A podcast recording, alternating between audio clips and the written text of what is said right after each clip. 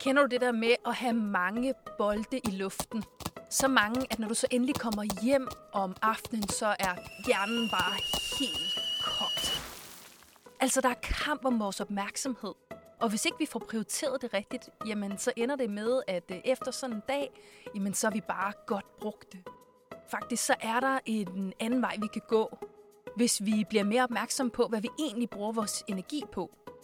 I den her artikel, der vil jeg øh, introducere dig for fire forskellige energiformer, som vi kan skrue på. Vi kan både øh, presse dem, og vi kan restituere i forhold til dem, for at skabe en meget bedre balance i vores energi, så vi den vej får øh, bedre resultater på vores arbejde, i det vi laver, og faktisk også kan få mere energi til de relationer og andre ting, der er vigtige for os. Jeg må gå til bekendelse. Jeg er afhængig af multitask. Fra jeg vågner om morgenen, så er jeg top klar til at løse dagens første komplicerede opgaver hen over havgrynene. Så hopper jeg på toget, hvor jeg forbereder dagens undervisning, svarer på mail, stiller i online-møder samtidig. Eller i, i hvert fald parallelt. Frokostpausen, det er et af de bedste tidspunkter for mig at holde sparring med mine kolleger. For der ved jeg, at de altid er ledige. Og under et langsomligt eftermiddagsmøde, så kan jeg ikke modstå fristelsen til også lige at skrive på noget nyt undervisningsmateriale. Med en hverdag med mange bolde i luften, så har jeg simpelthen erfaret, at jeg får mere gjort, når jeg gør flere ting på samme tid. Men jeg har også opdaget, at det har en pris. Min hjerne den holder simpelthen fyraften længe inden arbejdsdagen er omme. Og jeg ved også, at jeg desværre ikke er alene om den tendens. På Tunorth Efterskole har vores elever i den grad en hverdag med mange bolde i luften. Og så også nogle snapstreaks, der skal vedligeholdes. Derfor har vi sat tendensen under lup og spurgt os selv, hvad kan vi egentlig gøre for at skabe en mere afbalanceret hverdag for vores elever, så de stadig har overskud til dagens sidste tysk time? Der er kamp om vores opmærksomhed. Vi lever i en digital tid, hvor vi prioriterer hurtige reaktioner frem for velovervejede refleksioner, bredde frem for dybde. Der sættes stadig større krav til vores evne til at planlægge, koordinere og effektivisere, og altså ikke mindst om multitask. Søren Schulz Hansen, der er forsker i digital kommunikation, han beskriver, at mennesker, der er født ind i den digitale tidsalder, de er drevet af at være til tideværende, på bekostning af at være til stedeværende. Vi finder det altså med andre ord vigtigere at svare lynhurtigt på en snap, end at være fuldt ud nærværende i den aktivitet, vi er i. Jeg synes, det er så fin en formulering.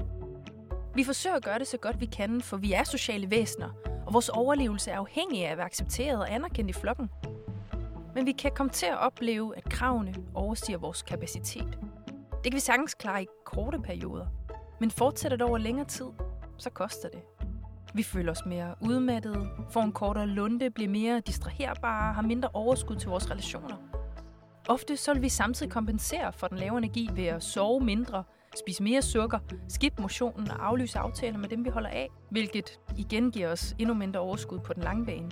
På engelsk, der bruger man udtrykket to pay attention, og det er en ret fin formulering, der understreger den byttehandel, der hele tiden foregår med vores opmærksomhed.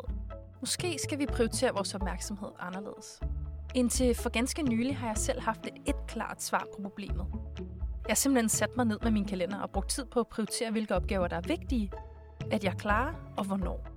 Problemet er bare, at min hjerne ikke bliver mere funktionel om aftenen af den grund. Jeg løste bare opgaverne i en anden rækkefølge. En sen eftermiddagstime til kursus på arbejdet, hvor jeg var godt i gang med både at tage referat og svare på mail, så blev mine kolleger og jeg introduceret for en anden måde at prioritere. Her blev vi præsenteret for bogen The Power of Full Engagement af Jim Lower og Tony Schwartz. Bogens hovedpræmis er, at energy, not time, is the fundamental currency of high performance. Og men bogen er relativt fattig for kildehenvisninger, så har den altså en interessant og egentlig ret intuitiv pointe. Hvis vi vil lykkes med de ting, vi sætter os for, så har vi brug for at prioritere vores energi. Altså, så vores tidsstyring kan være omsonds, hvis vi er savet midt over, når vi når til dagens vigtigste opgaver. Laura Schwartz, de hævder, at vi er fuldt engageret, når vi skaber en god balance i fire forskellige, men relaterede energikilder. De fire er fysisk energi, hvor vi er opmærksomme på vores søvn, kost, motion og væske. Mental energi, hvor fokus er på at udfordre sig selv kognitivt, vælge en optimistisk tilgang til tingene og prioritere mentale pauser, blandt andet gennem mindfulness. Relationel energi, hvor vi skaber tætte venskaber og løser konflikter, for på den måde at skabe social resiliens. Og så den spirituelle energi, hvor vi reflekterer over, hvad der giver os mening og værdi, og forsøger at tilrettelægge vores hverdag derefter. De fire energikilder er hver især kritiske. Vi kan ikke mangle en, uden at det har afgørende betydning for vores engagement og trivsel. Samtidig hænger de fire energier sammen og påvirker hinanden. Vi har eksempelvis brug for fysisk energi for at have overskud til vores relationer. Og når vi føler os fagligt stimuleret og høje på mental energi, så kan vi lettere finde mening med det, vi laver i vores hverdag.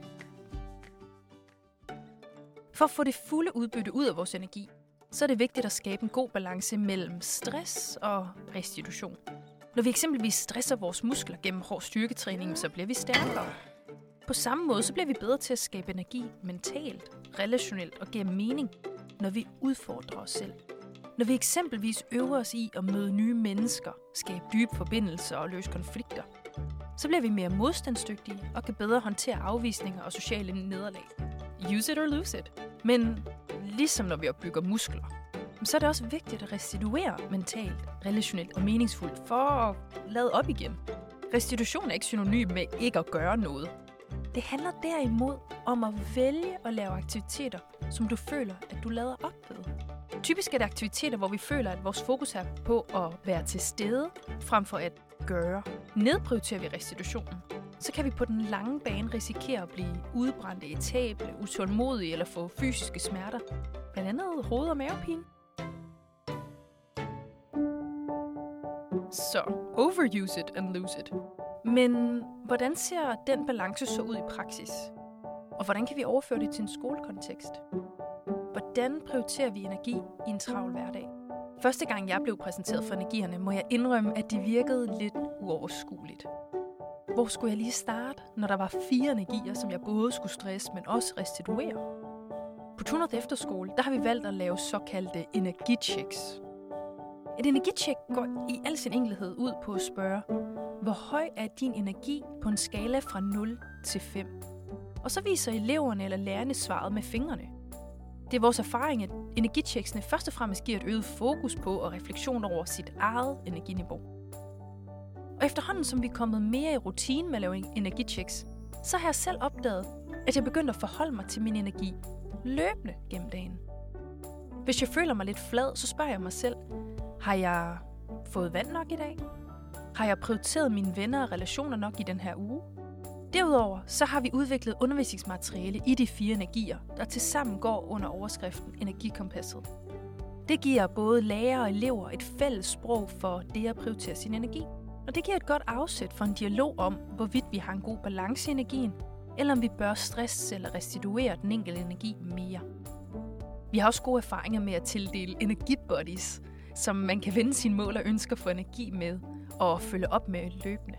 Det giver både støtte og en følelse af forpligtelse, hvilket kan være afgørende, når det er, at vi skal ændre en vane. Forskning viser også, at personer, der forpligter sig til et mål over for en anden, har en signifikant større chance for at gennemføre deres mål, end dem, der udelukkende tænker på deres mål eller laver et skriftligt plan for at nå målet.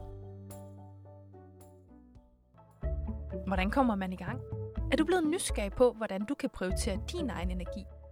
Så vil jeg anbefale, at du først arbejder med den fysiske energi.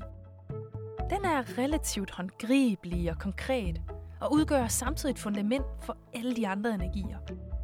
Hvis vi ikke vi har sovet nok i en lang periode, så kan det jo være vanskeligt at arbejde med at styrke sin relationelle energi ved at løse konflikter, eller det kan også være svært at udfordre den mentale energi med svære opgaver. Jeg har samlet beskrevet en række råd til at øge det fysiske energiniveau, der bygger på anbefalinger fra Fødevarestyrelsen og fra Vidensråd for Forebyggelse. Jeg håber, de kan skabe inspiration og et godt udgangspunkt for selvreflektion. Husk, vi er forskellige, og vi har forskellige behov. Så prøv de ting af, som du finder mest værdifulde, og vær nysgerrig på, hvad for en effekt de har. Det kræver lidt arbejde og indsats at skabe nye vaner for vores energi. Men der er også mange fordele hen. Lower Schwartz de påstår, at ved at prioritere vores energi og vores overskud, så kan vi blandt andet få bedre resultater, stærkere relationer, øget sundhed og større livsglæde. Rigtig god fornøjelse.